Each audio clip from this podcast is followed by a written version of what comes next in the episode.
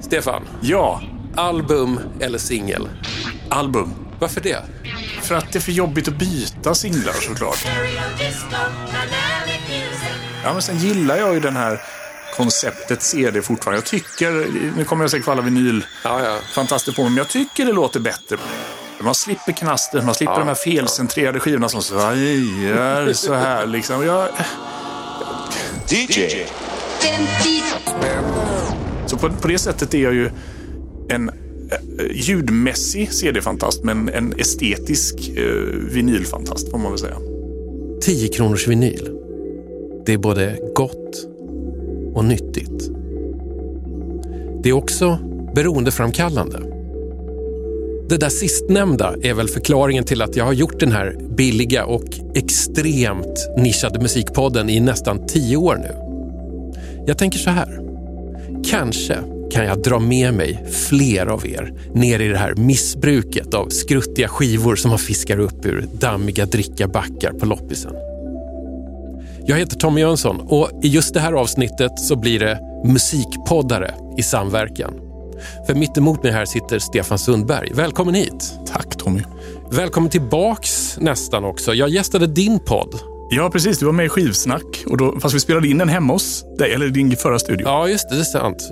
Det här blir väldigt virtuellt, men nu är det i alla fall i min podd här.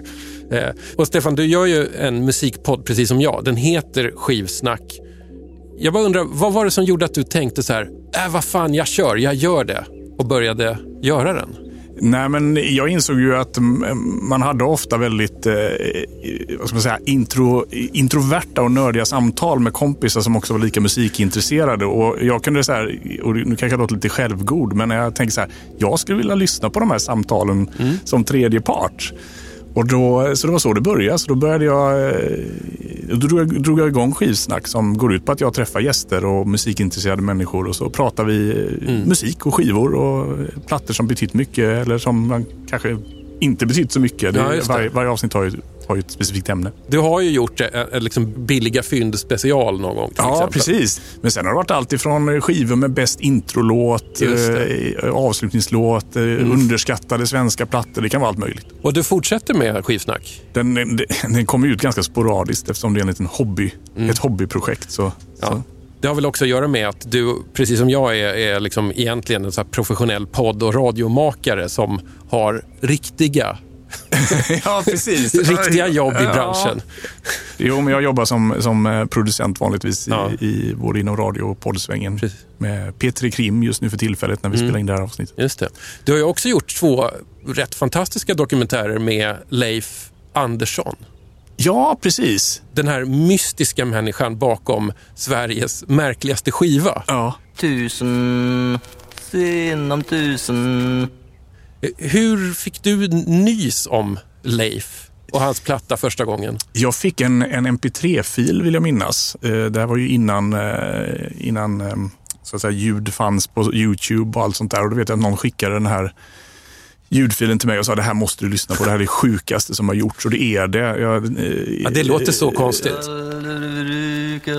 Gröna ord. Ja, ni lyssnare som har hört den vet, vet hur det låter och ni som inte har hört den, kolla upp det. För det, det är alltså Leif sjunger a cappella några Frank Sinatra-covers på svenska.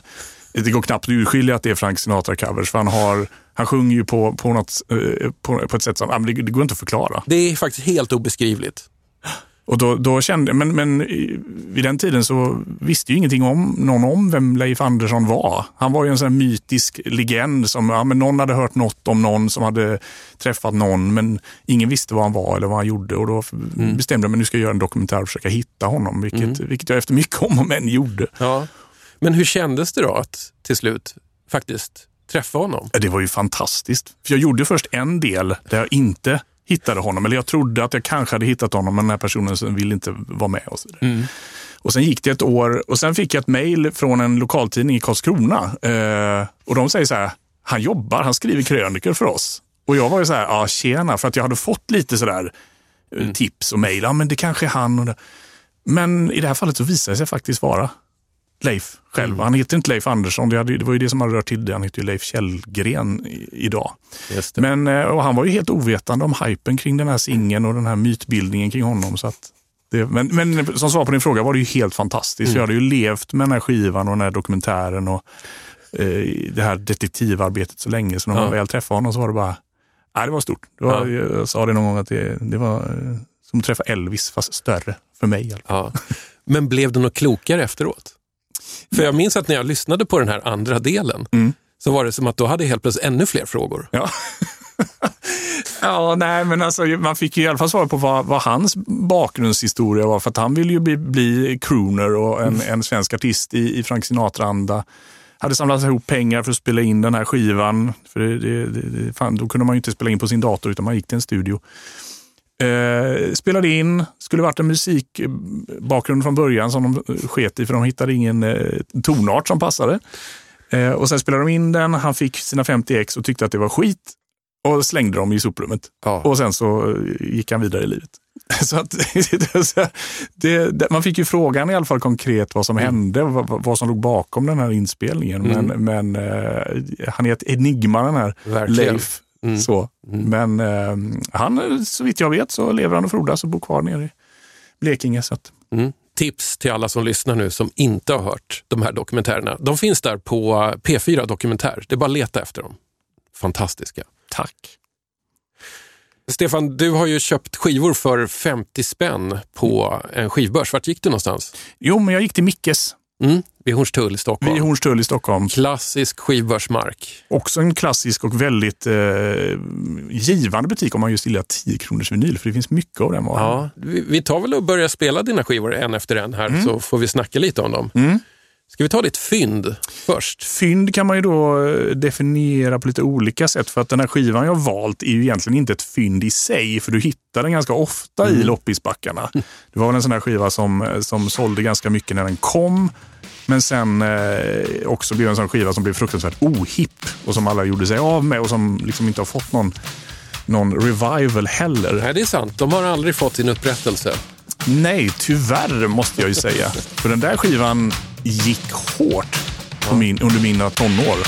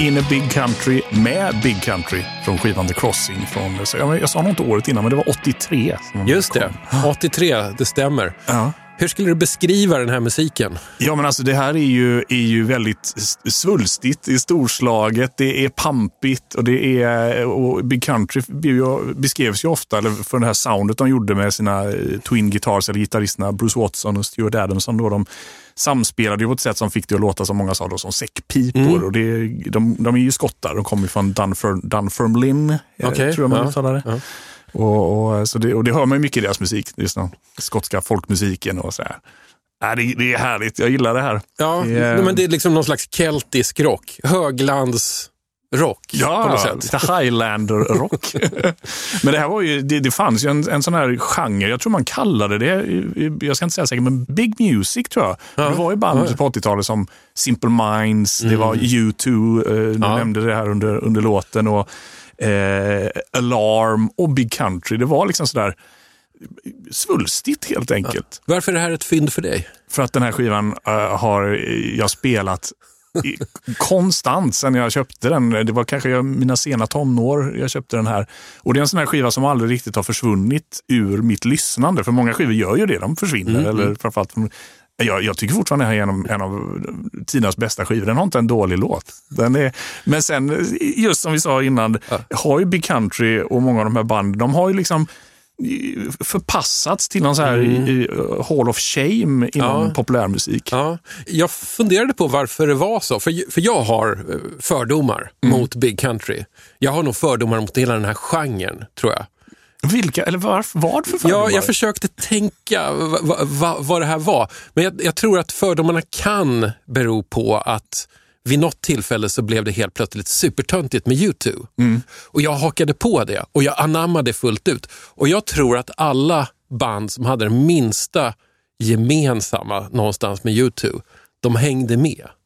Men det, det kanske också är någonting med det här att det är så, det är så stort. Man ser ju nästan högländerna framför sig. Dimman ligger över hedarna.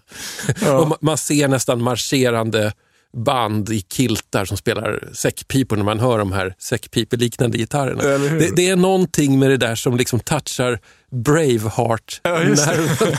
det, det kanske är det. Jag, jag, jag vet inte riktigt. Är det vi för lokalpatriotiskt eller? Kanske. Jag läste lite på Wikipedia nu om Big Country och försökte klicka på länkar, så här, vad alla som någon gång har passerat genom bandet vad gjorde. Och någon av dem som har varit med i bandet har ju sen blivit Member of Parliament för Scottish National Party. Det finns ju någon, Ja. någon liten liksom, beröringspunkt med det nationalistiska. Jo, men så är det. Men läser man deras texter så är det väldigt mycket om, om, om högländerna och, och den här eh, skotska stoltheten och, och, och sådär. Så att eh, absolut. Men som sagt, de släppte ju den här skivan och den blev en enorm succé när den kom. Och de gjorde väl ett par, tre skivor som blev ganska, eh, ja men som sålde rätt bra. Men sen så, de förlorade ju liksom sitt momentum efter ett par, tre skivor i början av 90-talet där. Och, Ja, och sen det. så kämpade de på, men så tog ju då Stuart, Lee, eh, Stuart Adamson livet av sig. Förgrundsfiguren, han som sjunger, spelar gitarr och, och skriver Mm. alla låtarna. Han tog livet av sig i början av 00-talet. Han hängde sig på ett hotellrum i Nashville, tror jag det var, dit han hade flyttat. Ah. Så att det, var ju, det slutade ju väldigt, väldigt tragiskt. Och jag ser ju Stuart Adamson som en av, av, av musikhistoriens liksom unsung heroes på något sätt. Han är en fantastisk låtskrivare och gitarrist och Mm. Sångare. Det är väldigt mycket med gitarrerna här. Mm. Du sa någonting medan låten gick, att de har någon grunka som de spelar strängarna med ibland. Ja, Ebo. precis. En E-bow. Som, som, alltså jag är absolut ingen gitarrist eller kunnig, men jag har förstått att det är någon slags elektrisk apparat som får strängarna i, i gungning. Så att du behöver egentligen bara trycka på, på greppbrädan och så får du någon sån här... Ja, ja, ja. Mm. Som, Det fanns väldigt mycket att läsa om deras gitarrsound också. Jag läste också att de hade någon speciell typ av pitch shifter. Alltså för att få ljudet att stämmas upp eller stämmas ner på något sätt. Som de alltid vill använda också. Jävligt specifikt måste jag ändå säga. Ja, Men det är väl kanske också lite liknande eh, U2 som vi nämnde. Jag, nu kommer jag helt plötsligt att tänka på en, en intervju med Kent när de förklarar så vad de ville liksom, hur de ville att det skulle låta när de inte visste hur man gjorde det, liksom, när de var ett färskt band. Och då lärde sig liksom, gitarristerna Kent att spela jättesnabba sextondelar upp och ner, liksom något slags arpeggion på strängarna. Och sen några år senare så är det någon som berättar för dem så här, ni vet att The Edge använder ett eko för att få det där va?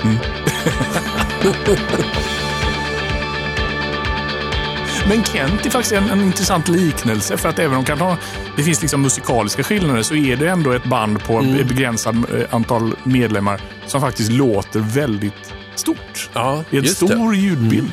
Så. Det, Brukar du gilla stora ljudbilder? ja, jag är nog lite svag för det nu när du säger Jag har inte tänkt på det, men det är jag.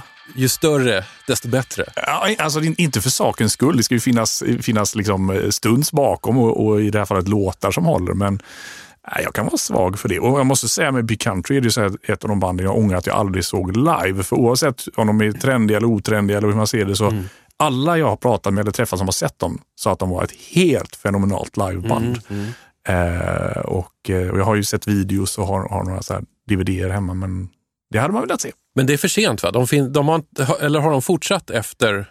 Tyvärr har de ju gjort det. De, Ah, de finns ju i någon sån där upplaga du vet, med en eller två originalmedlemmar som harvar runt på småställen för att Mm. tjäna pengar på ålderns höst. Så att för mig finns ju inte Big Country efter att Nej. Stuart Adamson tog livet av sig. Det är väl som för mig då med Kraftwerk. När Florian Schneider hoppade av, då tänkte jag att ja, men då kommer jag aldrig... Så finns det ingen anledning att se dem. Nej. Fast det där är en intressant diskussion. Var drar man gränsen för vad som är okej att fortsätta som band? Ja, om alla originalmedlemmar är borta, eh, eller om, om den medlemmen som på, no, på något sätt var, var dominerande och gjorde allting, är det okej då? Eller hur? Det, är- jag har sett sådana diskussioner ibland på nätet när, när folk liksom avfärdar vissa band för det är bara en originalmedlem. Men ibland så är det okej. liksom. Det- ja. Men det beror väl kanske på vad det är för band. För jag menar, om man, beroende på vilken genre man är i. Jag menar, i dansbandsvärlden, då är det helt självklart att ett band bara är ett namn. De kan fortsätta i all oändlighet. Alltså de kan byta, det, det, är, som ett, eh, det är som ett varumärke. Mm. Eh, Det blir som ett fotbollslag. Liksom. Exakt. Ja. Ja. Men Med, i- medan i liksom så här, eh, rock med någon slags eh, så här, ja, men rock och popband som har någon slags artistisk ambition, då är det så tydligt att det alltid finns någon eller några i bandet som är drivande på något sätt. Ja, Och försvinner de, då, då är det borta. Ja, men precis. Men det är ju som Kiss nu, som man har hört lite rykten. Jag vet inte hur sanna de är, men Paul Stanley och Gene Simmons säger men vi kan dra oss tillbaka och Kiss kommer fortsätta med andra medlemmar. eh, och det finns ett band som heter Blackfoot, ett eh, så här, southern rockband.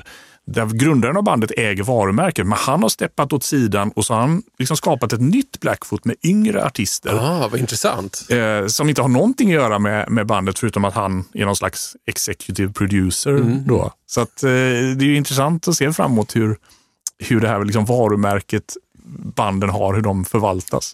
Men, men många gånger görs det ju väldigt eh, illa måste jag ju säga. Det Det just- gör det. Sen, sen kan det också bli oerhört tokigt när det liksom det finns flera versioner av ett gammalt band utan, utan att det är så mycket originalmedlemmar i omlopp. Jag, jag vill minnas att det fanns två Boney M som var ute och turnerade liksom parallellt ett, ett tag, kanske 90-tal eller något sånt där. Ja, och det var inte så länge sedan det fanns två Yes som var ute och turnerade. Ja. Det var då eh, gitarristen som hade sin version och så var det sångaren och, och keyboardisten som hade sin version. Mm. Nej, det blir lite fjantigt alltså. Ja. Måste jag ju säga. Men, eh, men det finns någon version av Big Country fortfarande. Jag tror det är någons son som har gått med och Mm. Ah. Mm. hej och hå. Liksom. Men för mig är det inte, förstår. inte intressant längre. Hur hittade du till Big Country när du började lyssna på dem? Jag tror att jag hörde en låt som heter eh, The Teacher som ligger på deras tredje platta som kom 86 på radion och tyckte att det här var skitbra. Så att jag, jag hakade ju inte på tåget när den här skivan kom. Det var ju lite innan. Jag kom ju eh, in ett par år senare. Och då köpte jag den. Eh, The Seer heter den plattan då som den är med på. Och eh, sen var jag hooked. Sen köpte jag då de tre, två skivorna som har kommit innan och sen har jag köpt allt. Mm. Fram tills Stuart dog. Ja, just det. Så det är sånt där band som, som jag har några sådana som man, man köper allt. Vilka har du andra som är dina, du köper allt?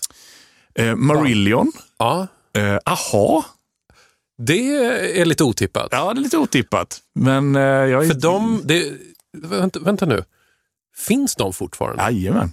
Och ger ut skivor? Ja, de släppte en skiva så sent som i höstas. Här var det väl. Och hur låter den? För jag har inte, verkligen inte lyssnat. Jag trodde att de la av någon gång så här 89. Ja, nej, nej den är, alltså de är bra. Det är det som är grejen. att när man hör Aha så tänker man Take On Me och, Ja, och, ja. Mm. och de här eh, pophitsen. Men grejen är att ju äldre de har blivit, ju mer mognare har de blivit. Nu kanske det låter skittråkigt. Det brukar ju ofta vara när man säger att de bandet har mognat. Men här är det faktiskt eh, på ett positivt sätt.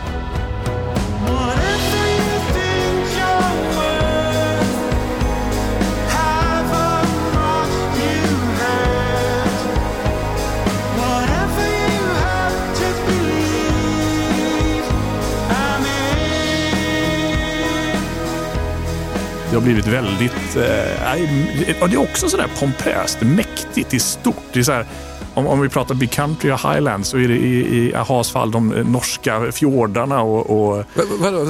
Aha har börjat spela fjordpop ja, fjordpop är ganska bra. Ja, men det är så här svulstig pop, det är mäktigt, det, är- det, det är pompöst liksom. Och Det, det, är nästan så jag känner att jag måste pausa och lyssna. Det här snurrade till för mig. Okej, eh, när vi är klara med det här så ska jag lyssna på Aha, hur de låter nu. ja, men det tycker jag.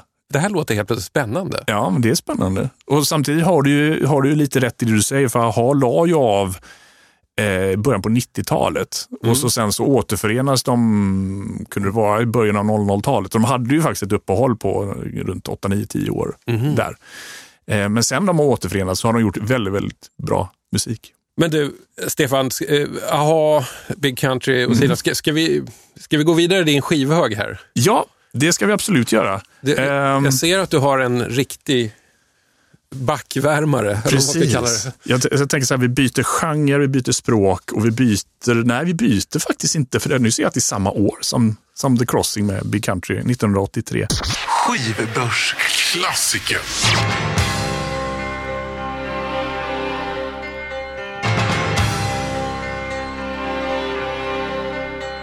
När trädens grenar spretar nakna Marken sveper sig.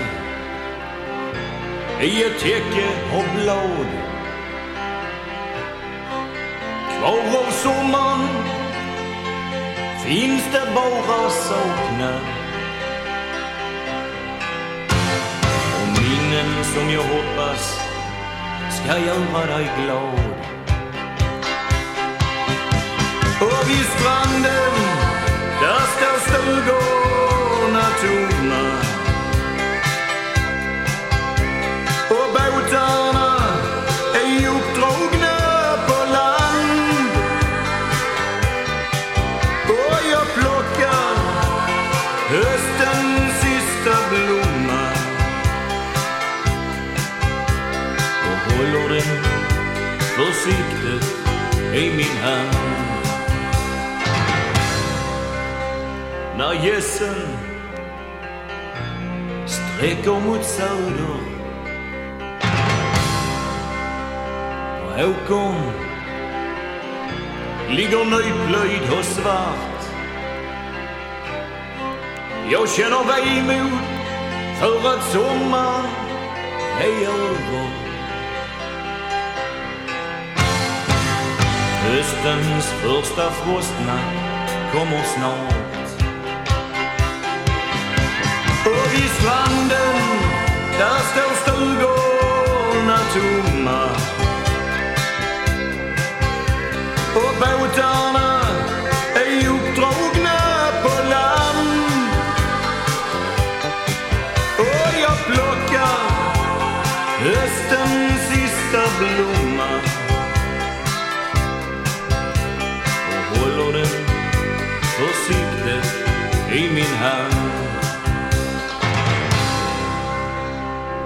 Ännu en dag har slocknat. Allt är stilla och lugnt. Några stjärnor på himlen har vaknat. Över havet faller mörkret mäktigt och tungt. Och vid stranden, där stod stugorna tomma.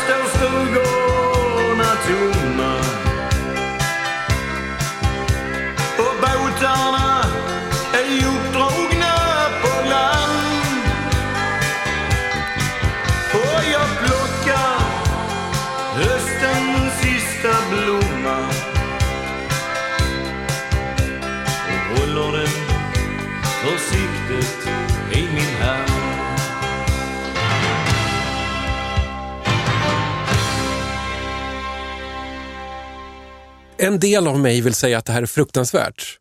Men en ännu större del av mig sitter och njuter nu. Jag tycker att det här är ganska bra. Eller hur? Hasse Andersson. Jag blev så paff, för som sagt den här skivan var ju en sån där eh, utifrån kategorin så loppis eh, backvärmare. Jag har aldrig hört den, jag har ingen Nej. relation till Hasse Andersson. Eh, och så satte jag på det här, det här är första låten på skivan. Ja. Och, och jag, tycker det är, jag tycker det är skitbra. Jag är lite chockad. Jag har nog aldrig riktigt lyssnat på den här skivan, tror jag. Hasse Andersson, höstens sista blomma. Och Hasse Andersson är då uppbackad av sitt berömda Kvinnaböskeband. Yes.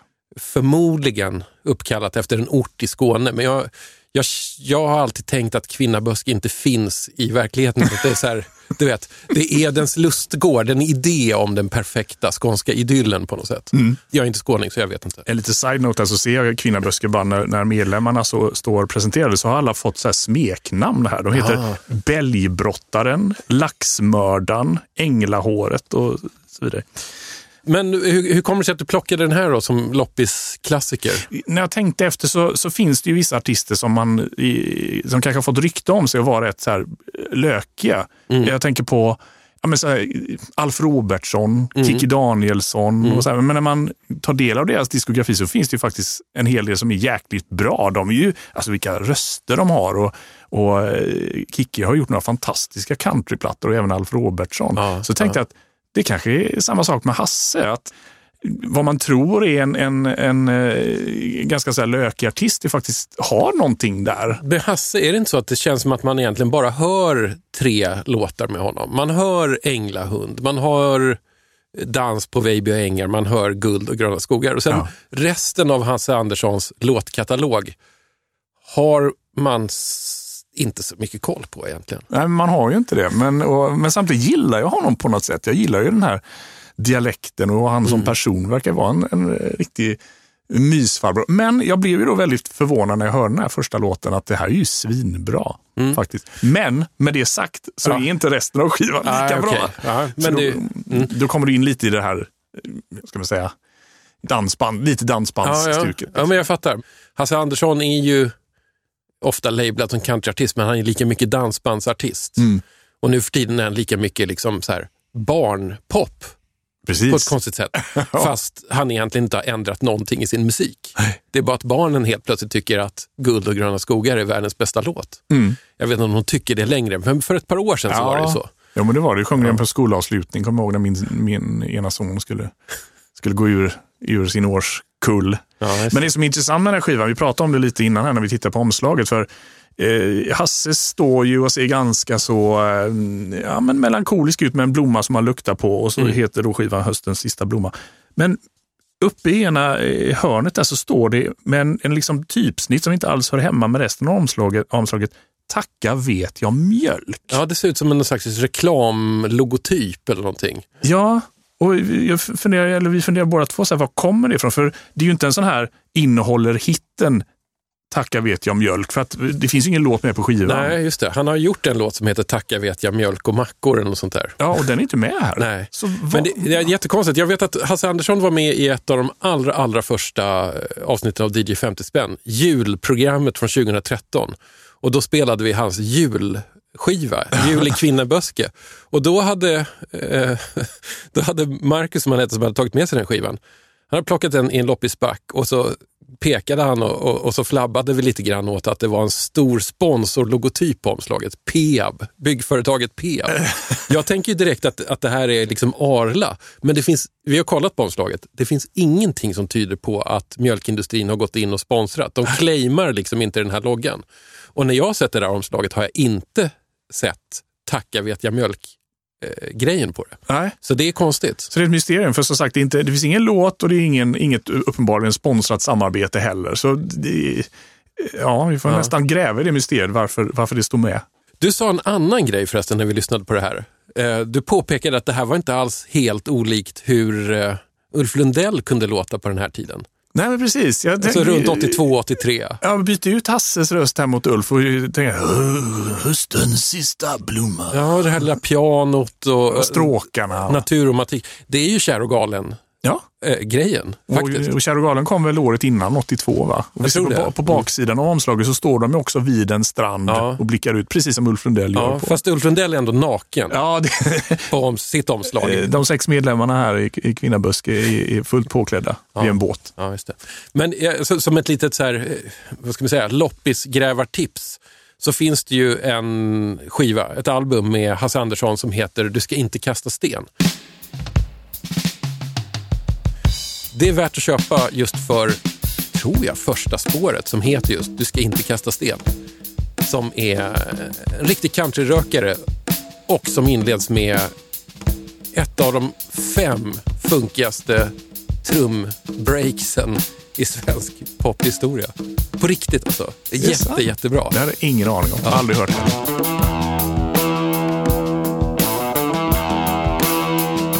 Så här, det, Hasse Andersson är kanske nästa Alf Robertsson. Alltså, alltså att man börjar dammsuga låtkatalogen efter de här eh, grymma låtarna som man Ja. på något sätt eh, tyckte var töntiga förr och sen inser att de har någonting. Just, ja, men just den här låten, Höstens sista blomma, tyckte jag var... Jag gillar det. Ja. Och som sagt, det var svulstigt här också med just stråkar och pianon, en stor ljudbild. Jag inser att jag, jag, jag är Ja, det, det, någonstans. det, det, alla lyssnare kan vara glada att ni får uppleva ögonblicket när Stefan Sundberg från Skivsnack trillar dit på Hasse Andersson. Det är nu det händer. Det är nu det händer. Kanske får bli ett avsnitt om honom. Med honom. Jag undrar ju lite grann hur det är hemma hos Hasse. Han är ju gift med en sån här favorit som jag har bland svenska loppisskivor. Han är gift med Monica Forsberg, låtskrivare, eh, låttextöversättare. Och Monica Forsberg är också en av få svenska artister som har gjort en cover på Donna Summers I feel love. Är det sant? På riktigt. Hur låter det då? Ganska bra.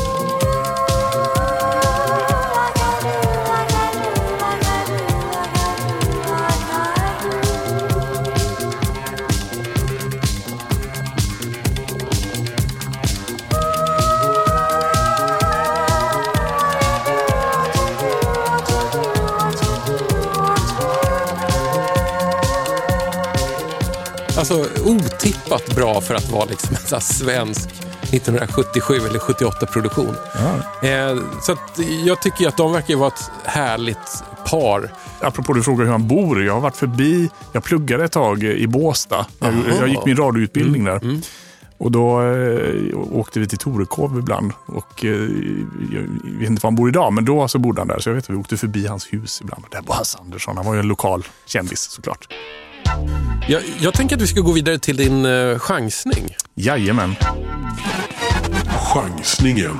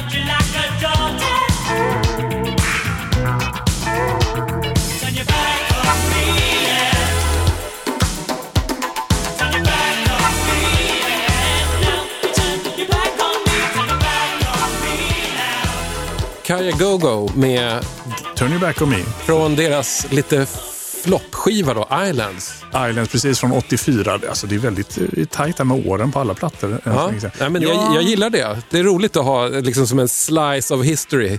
Det här är ett band som... Jag hade en skiva med dem innan eh, som är egentligen ganska otippat att jag tycker är bra. Eh, ett engelskt band eh, som hade en hit på eh, 80-talet, 83, Too Shy. Just det. Som kanske har... Ja, det- den- shy, shy. Den snurrar redan i huvudet nu. Det, det, den har liksom såna öronmaskkvaliteter. Mm. Den fastnar i huvudet Ja. och, och fortsätter rotera där. Och de eh, eh, hade ju då den här sångaren Limal i, i, i spetsen som hade kanske 80-talets mest bizarra hockeyfrilla. Det var liksom vitt och svart och det var, ja men alla som har sett bilder på Limal vet precis vad jag pratar om. så, så de släppte ju, eh, eller fick en, en nummer ett hit i England med Too Shy och släppte en skiva som heter White Feathers som jag av någon anledning också har hittat säkert på någon 10 kronors loppis. För jag gillar Too Shy. Så då köpte jag eh, den skivan och som jag tycker är helt okej. Det är tidstypisk eh, 80-tals syntbaserad pop. Men efter den skivan så, så bestämde sig Kajagogo för att sparka Limal. för, för om jag förstår rätt så fanns det, alltså de fyra andra medlemmarna hade ju spelat innan Limal kom in för, Ah, eh, i någon slags li- art nouveau tror jag bandet hette. Någon, ja, men lite, lite så här pretentiöst som det låter. De, de är ju väldigt duktiga musiker och sådär men när de fick den här Too Shy-hitten då var det ju så här plötsligt så var de ett teeny bopper-band. Så här, Att de var inte beredda på att bli det. Nej, för att de, de hade ju större ambitioner med sig själva och såg sig själva som kanske mer musiker än så. Och någonstans i det så fick ju Limal skulden för det. Som den här eh, flickfavoriten och, och, och vackra eh, liksom posterboy. och därför tänkte de att ja, men, han får gå. Vi kör, nu har vi slagit igenom, nu kan vi ta det här vidare på vårt sätt. Så att, eh, och de ersatte ju inte honom, utan det var basisten Nick Beggs då, som tog över sången. Och eh, jag tänkte inför det här programmet, det är inte många band som eh, liksom sparkar en sångare och inte ersätter honom, utan någon får kliva fram i bandet. Det är väl Genesis, Mm, eh, det. Toto gjorde så en period, Doors fortsatte några år efter att Jim Morrison dött. Utan, Ja, det gjorde de ja. Det, ja, det var sådär. ja, oftast blir det ju sådär. Genesis gick det ju bra för. Ja, Förvisso. Genesis blev ju något helt annat efter det också. Ja. Så att, ja.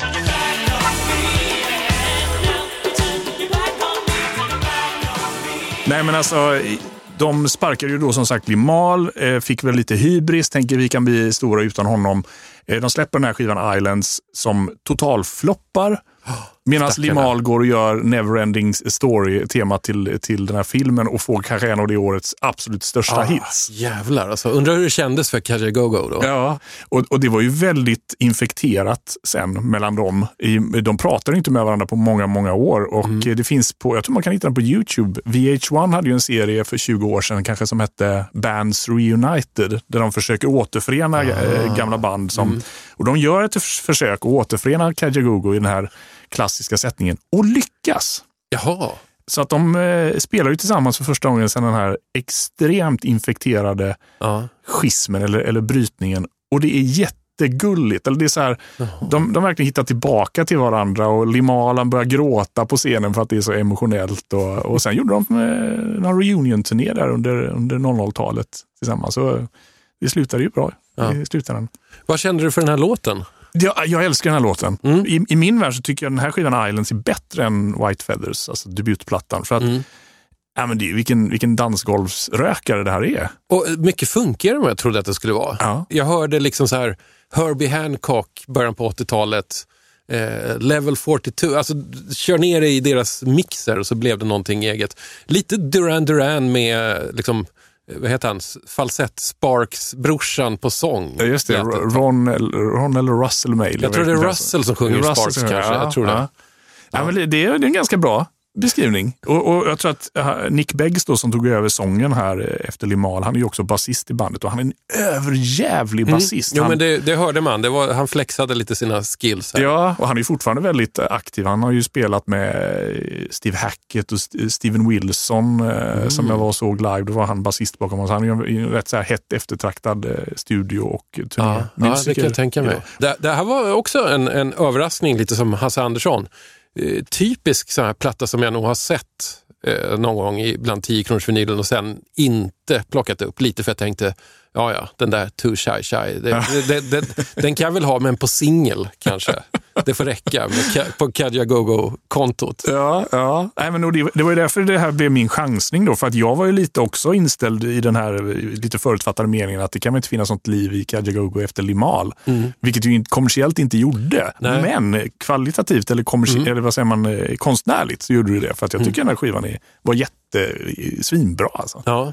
Jag släppte de fler skivor under 80-talet sen. De släppte, det fortsatte trilla bort medlemmar. Aha. Och mm.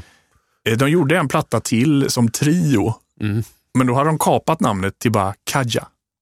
För att, på, på riktigt? ja, för då, då tyckte de väl att "Nej, men nu är det inte Kaja Google längre. De, Det de har inget go-go i sig längre. Precis. Så då kapade de namnet till Kaja och det floppar ju ännu mer. Liksom. Eh, så att de gjorde de där tre skivorna och sen så la de av. Mm. Fram till, eh, det kan vara så att de gjorde någon återförening på 90-talet, men eh, återförening med Limal och den klassiska sättningen, den, den, den gjordes då eh, 2000, ja, någon gång, mitten på 00-talet. kanske, Mm. Så, och sen så, nej, nu, det var ju en ren sån där nostalgiturné, så det är inte så att de har släppt fler skivor, mig veterligen. Så att, Stefan, nu ska vi se om du är en kille som har tur eller inte. Det har blivit dags för Random Access Vinyl. det var ju den läskigaste genren. Ja, det är en läskig genre, men du, har- alltså, på något sätt har du haft tur. Befälet kom fram och kastade Olsson i golvet. De tryckte ner i skiten för Olsson börjar bli farlig.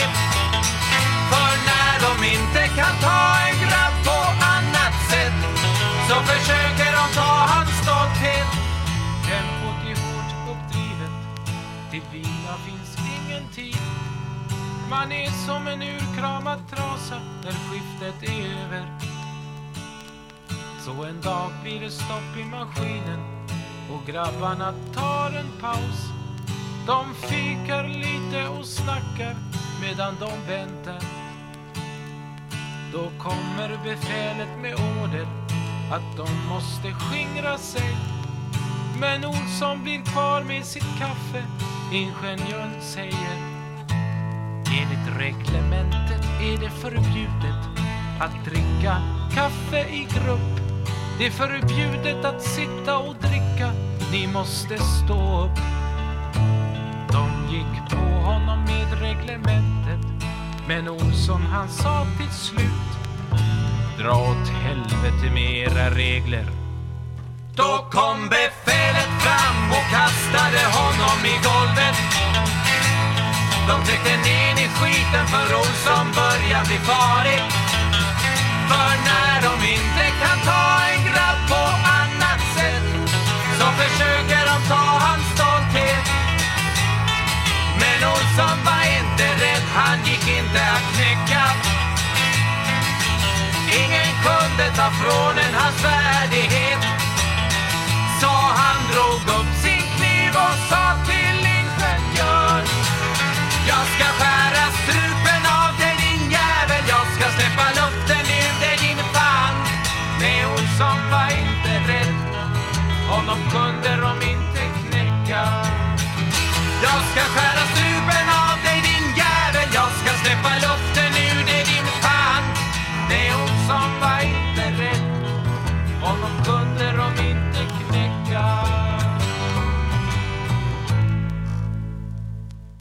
Ja, det här var ju då balladen om, om Olsson från eh, NJA-gruppens skiva Hör upp allt folk från 1970. Jag tycker det är en fascinerande text, för de sjunger liksom, det är ju någon låt om att stå upp för överheten och, och, och, och så säger de ju då att eh, de tycker Olsson är farlig, men s- så får han liksom, alltså låten berömmer ju honom, men, men ändå på slutet så, eh, vad är det de sjunger?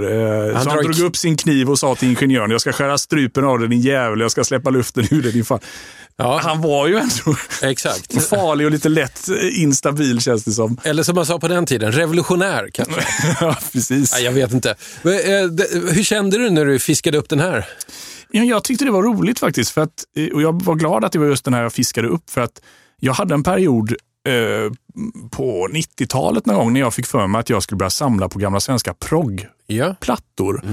Eh, och, och Jag vet inte var det kom ifrån. Det var bara så här, ja, men du vet hur det kan vara, man får bara dillen, nu ska jag börja samla på någonting.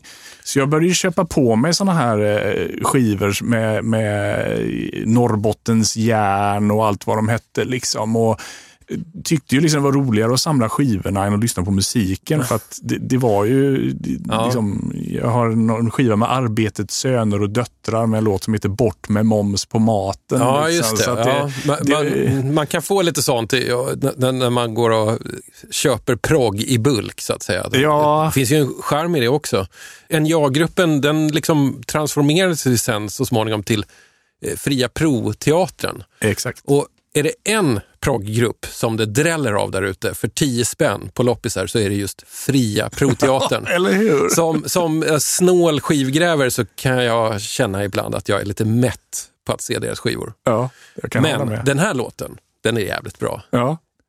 Nej, men- Så det, det är ju lite outlaw country och det är ju lite stå upp för dina rättigheter arbetare och det är lite våld. Ja, och det är lite, alltså, det här säger jag med, med största eh, värme, det är lite taffligt. Det är Ja. liksom en liten halvt ostämd gitarr som någon bankar på utan någon större finess. Och, och, och Det var ju lite så det var. Alla kunde spela, alla kunde sjunga. Och, Och dessutom, var, eh, så här, jag tänker att det är lite teaternära. Så här skulle det kunna låtit faktiskt på Dramatens scen. För det var ju där NJA-gruppen debuterade, eller vad man ska säga. Det var lite folk från popbandet Mascot som på något sätt blev väl radikaliserade och eh, blev anlitade för att göra då musik till, till en föreställning som handlade då om NJA, alltså Norrbottens järn AB. Eller arbetarkampen där kanske det var. Ja, det är det jag står för, just det. Ja. Nej, men så är det ju. Och det är ju lite samma, det är ju, alltså Nationalteatern har ju lite parallell historia som också är en teater slash musikgrupp som får beställningar på att göra uppsättningar och så. Och, så, och i deras fall så, ja de delade ju på sig till slut Nationalteatern och blev ett, ett renodlat rockband och, och en teatergrupp sen. Men, men det är ju lite så med Fria Pro-teatern och en, NJA-gruppen också. Det var ju någon hybrid mellan teater och Ja, precis. musik. Ja. Men, men jag är väldigt eh, svag för den här, alltså, det är lite som James Bond-filmer. Det, det är ett sånt tidsdokument. Om vi ser på omslaget här, det skulle ju aldrig göras en sån här. Det, det är en bild på ja, fem arbetare då antar jag från, eh, från eh, NJA i Luleå Ja, säkert. precis. Ja, det står det till och med. Eh, Kafferast i stålverket vid treans ugn. Ja, och, så, ser. och så Mm. står de i, en, i ett svartvitt foto. Ja, Jag, jag vet det finns något. Men sen gick ju mitt eh, min proggbesatthet, som jag faktiskt får kalla det, Mm. över till att, för sen när jag började gå in på, på band som eh, Fläsket brinner och Trägäs och stenar och, Mm. och Samla mammas manna och Älgarnas trädgård. Då insåg jag ju att alltså det, det finns ju faktiskt väldigt mycket bra också. Precis. Mm. Eh, man får nästan göra en, en, en skillnad där mellan den här typen av vokal, dogmatisk, socialistisk Exakt. progg. Alltså progg med två G kan man ju säga. Är det, är det, är det liksom lite mer plakatnära eh, musik med budskap. Medan, Ja. Så finns ju progressive, progg med ett G. Just det. Och det är ju lite mer de som du kanske fastnade för då, Fläsket brinner etc. Ja, precis. Men de var ju ändå en stor del av, av den här eh, proggrörelsen och musikrörelsen. De låg ju på de här två stora skivbolagen som var MNV och, och, och, och Silence. Och jag vet, jag hade något snack med Kenny Håkansson som är gitarrist i Kebnekaise och han sa ju att de fick ju mycket skit för att de var instrumentala, för det fick man ju inte riktigt vara. Nej, hur ska man, skulle kunna ju- sprida eh, liksom, budskapet då? Ja, eller hur? Så det var ju liksom väldigt eh, liksom dogmatiska och hårda regler. Och jag vet Turid, den fantastiska Turid Ja. som låg på Silence och spelade in två, tre, tre skivor där tror jag. Sen gick hon över till Metronom och fick ju så sjukt mycket skit för att hon då bytte från, från ett, ett liksom proggbolag till ett en stor, Ja, ett stort skivbolag och, och sålt sig till kommersialismen. Liksom. Ja. Och, Sen fanns det ju många artister på liksom majorbolag som på något sätt, tycker jag idag, hör självklart in i liksom proggen. Men de kunde ju inte accepteras. nej. Eh, Pugg, Ola Magnell och så vidare, för att de gav ut skivor då på Metronom och liknande. Det känns jättefånigt idag, men det var viktigt Ja. då. Ja. Nej men det är precis, men det var som Melodifestivalen också. Liksom, hur, hur, hur, och ABBA, hur fruktansvärt eh, paria de var i, inom den här världen. Och, nej, det måste ju varit jobbigt att tillhöra musikrörelsen på 70-talet. Du, alltså, ha Jo, men- alla, hela den här Ja. regelboken du ska följa. Men det är väl ändå ganska många gamla proggare som har vittnat om det. Att det, att det inte alltid var jättekul. Nej. Att det fanns alltid någon som bevakade. Är, är han eller hon rätt trogen? Ja, men precis. Och det kunde, jag tycker, de, vad heter den här filmen, eh, Moodysons, Tillsammans? Just det. Han, han skildrar ju det där så bra just när de pratar om när de inte får läsa Pippi Långstrump för hon har en kappsäck med pengar. Att, så att jag tycker ju den, även den här vokala, kanske lite taffliga proggen är intressant ur, ett, ur ett tidsperspektiv. Att, att det fångar en anda och som så här i, i retrospekt är, är, är ganska charmigt ändå. Även om det kanske inte var det då på det sättet. Sen är det så roligt också var man ska dra gränsen för var proggen slutar. Det fanns ju de andra så här, proggbolag, Oktober till exempel, gav ju ut väldigt mycket folkmusik. Jag tror att ok- i Oktobers fall så var det så att de var egentligen mot rock, för det var in, så här, kulturimperialism. Sen kan du liksom flytta över ner till eh, Göteborg, där fanns Nacksving. De hade inga problem med rock, även om de var liksom stalinister, typ. Så det, det är oerhört snurrigt. Alltså, ju längre man gräver ner sig i, i, i, i liksom proggnörderi, desto konstigare blir det faktiskt. Eller hur? Och Det som jag tycker är intressant med många av de här proggplattorna, om vi pratar framförallt om de här instrumentala banden, de har ju blivit kultskivor även utomlands. Japanerna är ju helt galna i de här Trädgräs och stenar och Älgarnas trädgård. Och de, Ja, och Bo Hansson inte minst.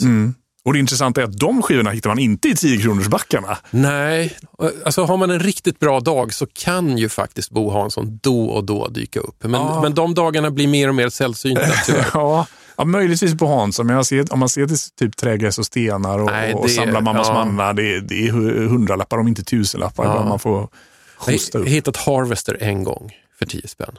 Har du? Det var liksom innan den här vinyl-revivalen hade kommit igång. Eh, men jag kände ju ändå den dagen att så här, this is my lucky day. Alltså, nu lämnar jag in en lotterad, nu köper jag en trisslott, nu, Ja. nu investerar jag på börsen. Så kändes det. Ja, jag hade ju en, en, eh, en sväng här på 00-talet när jag fick för mig att jag skulle eh, samla alla Silence-plattor mellan 70 och 79. Det är ett ganska ambitiöst projekt, är det inte det? Jo, det är det. För där finns ju faktiskt en hel del skivor som inte är så lätta att få tag i. Det, det, men man måste ha något sånt där omöjligt projekt. Ja. Har du något sånt nu? Nej, det har jag inte. Det, det var ju bra du sa. Jag måste skaffa mig ett nytt Mm. nördigt samlarprojekt. För att, eh, vad skulle det kunna vara? Det var bra att du spelade en- NJA-gruppen. Det var ju väldigt länge sedan jag lyssnade på den här skivan. Den lät lite bättre än vad jag minns den.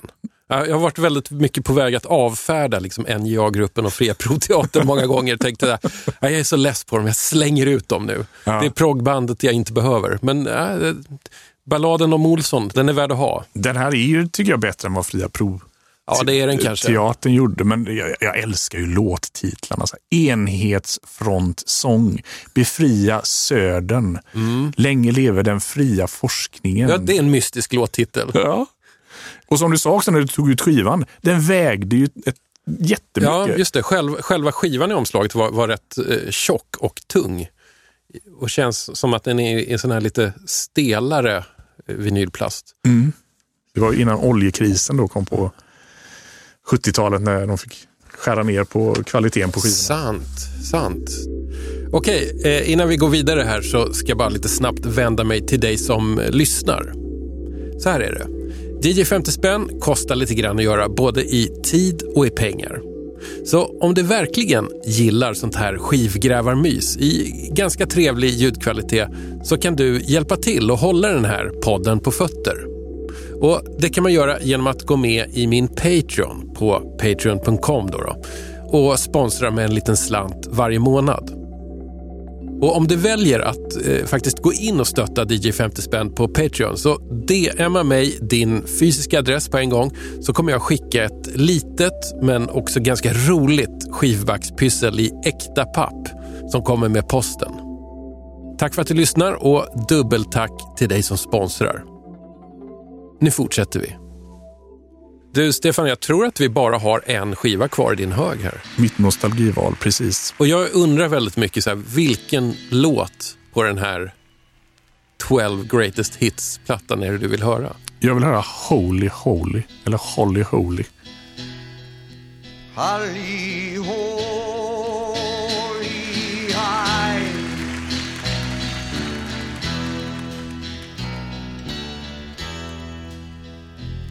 Dream of only me.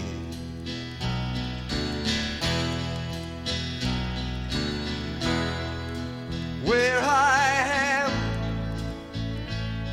what I am, what I believe in. Holy, holy. Holy,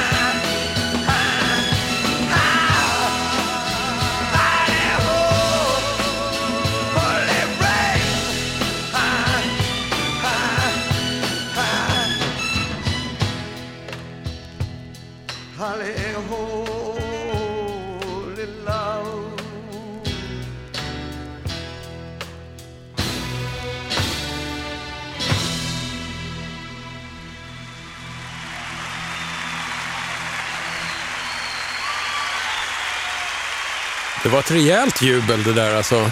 Ja, med rätta. Du kommer här med ditt nostalgiköp som är Neil Diamond, His 12 Greatest Hits.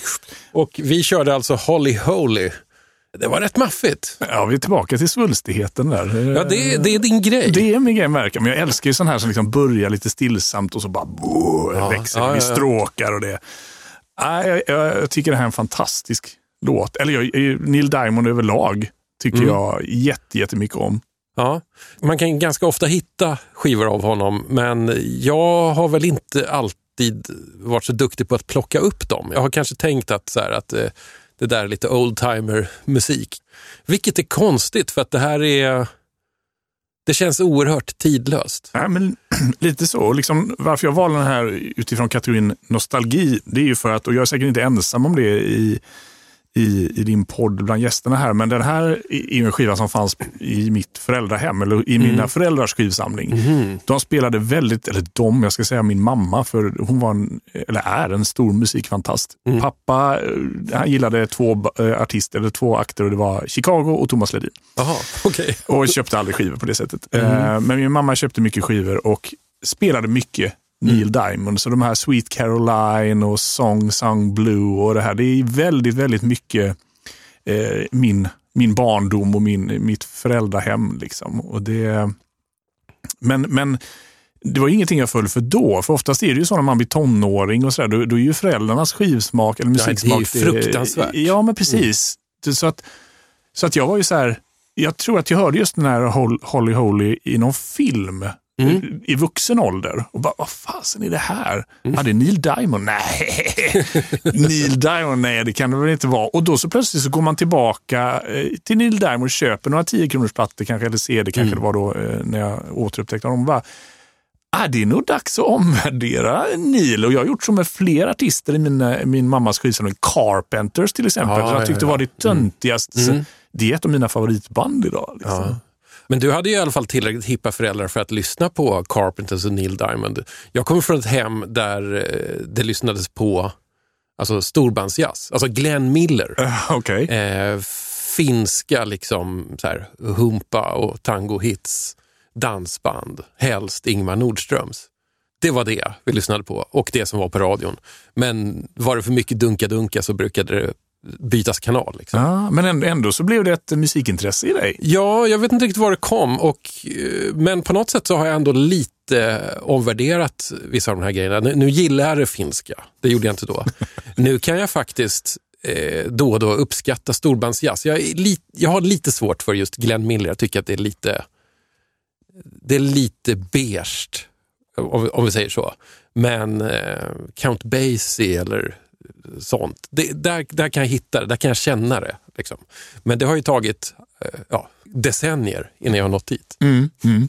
Som du sa förut, Neil Diamond hittar man ju ofta i loppisbackar Ja. och det tycker jag är lite tråkigt för han är inte riktigt värd att vara en sån där Nej. loppisbackartist. Men jag funderade på, så här, finns det liksom rariteter med Neil Diamond? Finns det liksom den här okända plattan som, ingen, som bara liksom de riktiga nördarna och konnässörerna har koll på?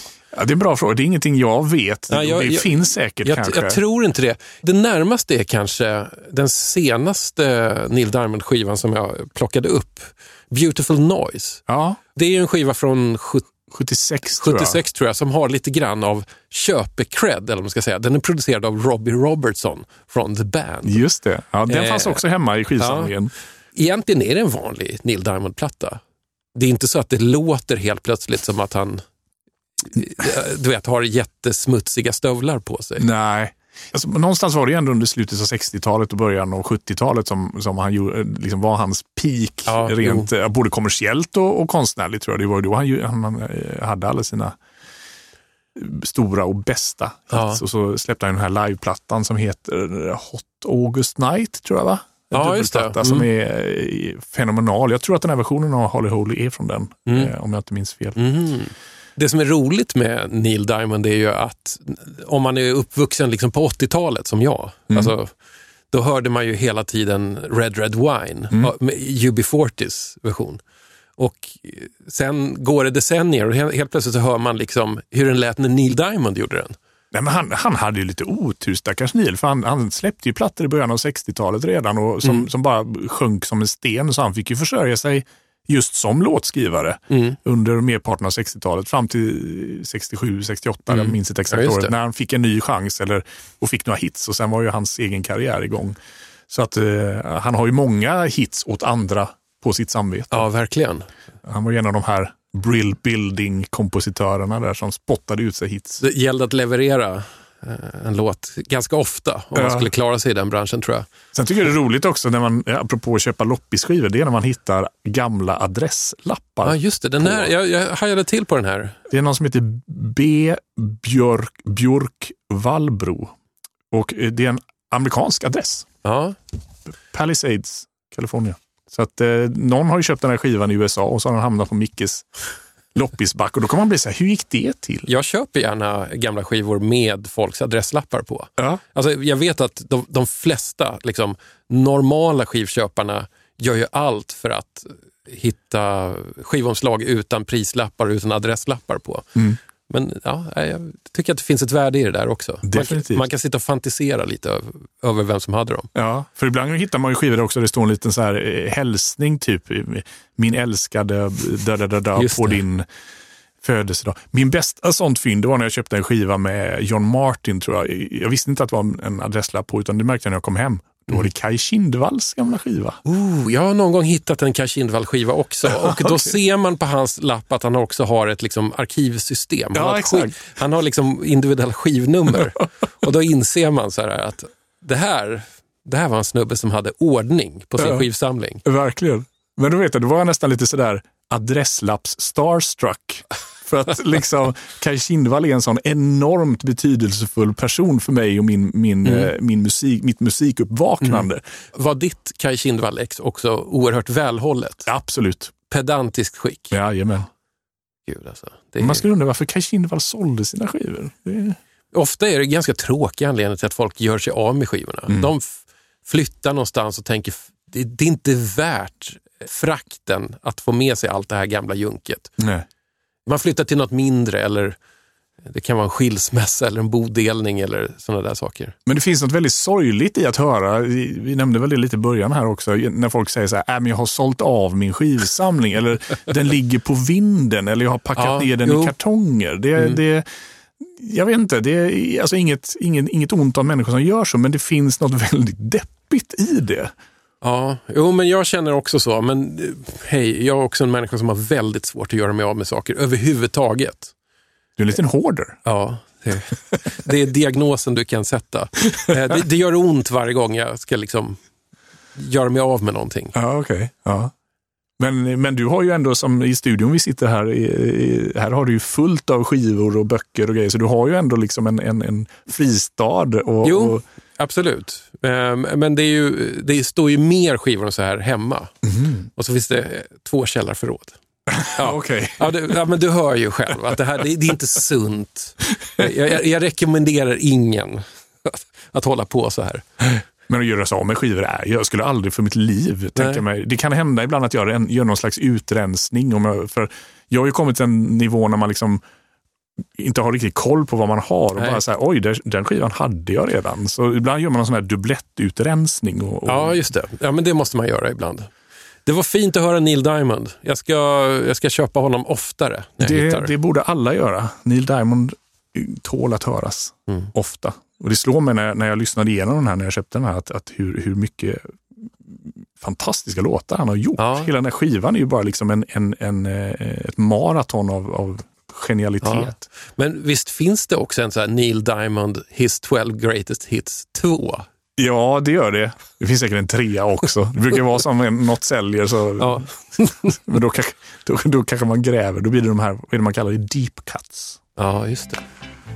Stefan Sundberg, det var underbart att sitta och snacka om skivor med dig. Det var underbart att sitta här och prata skivor. Det är det bästa man kan göra. Grejen är så här, problemet är att det är väldigt svårt att sätta punkt. Det är därför jag har sagt att det är fem skivor.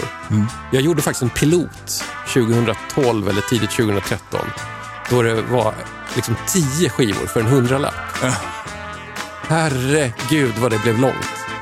Alltså det, det blev oändligt långt. Vadå, så det hette DJ 100 spänn? Ja, det, det var det jag trodde att det skulle bli. Ja. Men eh, alltså när jag satt och skulle klippa mig igenom det här materialet så insåg jag att det här kommer ju aldrig gå. Det blir liksom fyra, fem timmars avsnitt som aldrig tar slut. För att efter fem skivor så tappar man lite skärpan också. Jag har samma grej med, med skivsnack. Det är fem skivor man vill ge ut. jag tror det är ganska lagom. Vad händer i skivsnack? Har några på gång,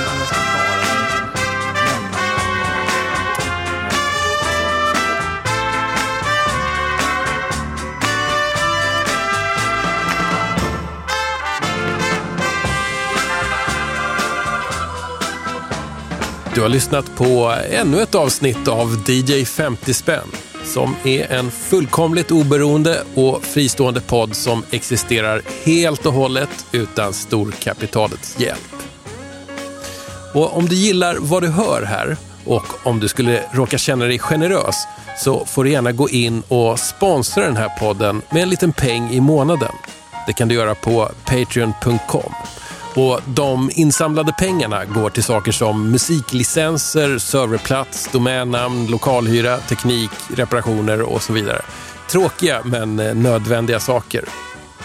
Jag ska också passa på att tipsa om att det finns en närradioshow som heter DJ 50 spänn. Den sänds lördagar klockan 11 på Radio Viking som du kan ratta in på 101,4 om du är här i Stockholmsområdet. Men det går också att lyssna live via någon sån här fräsig app för nätradio. Och om du stöttar DJ 50 spänn på Patreon så kan du faktiskt lyssna på de gamla programmen där. Jag som pratar och skapar DJ 50 spänn heter Tommy Jönsson. Tack för att ni lyssnade. Vi hörs snart igen.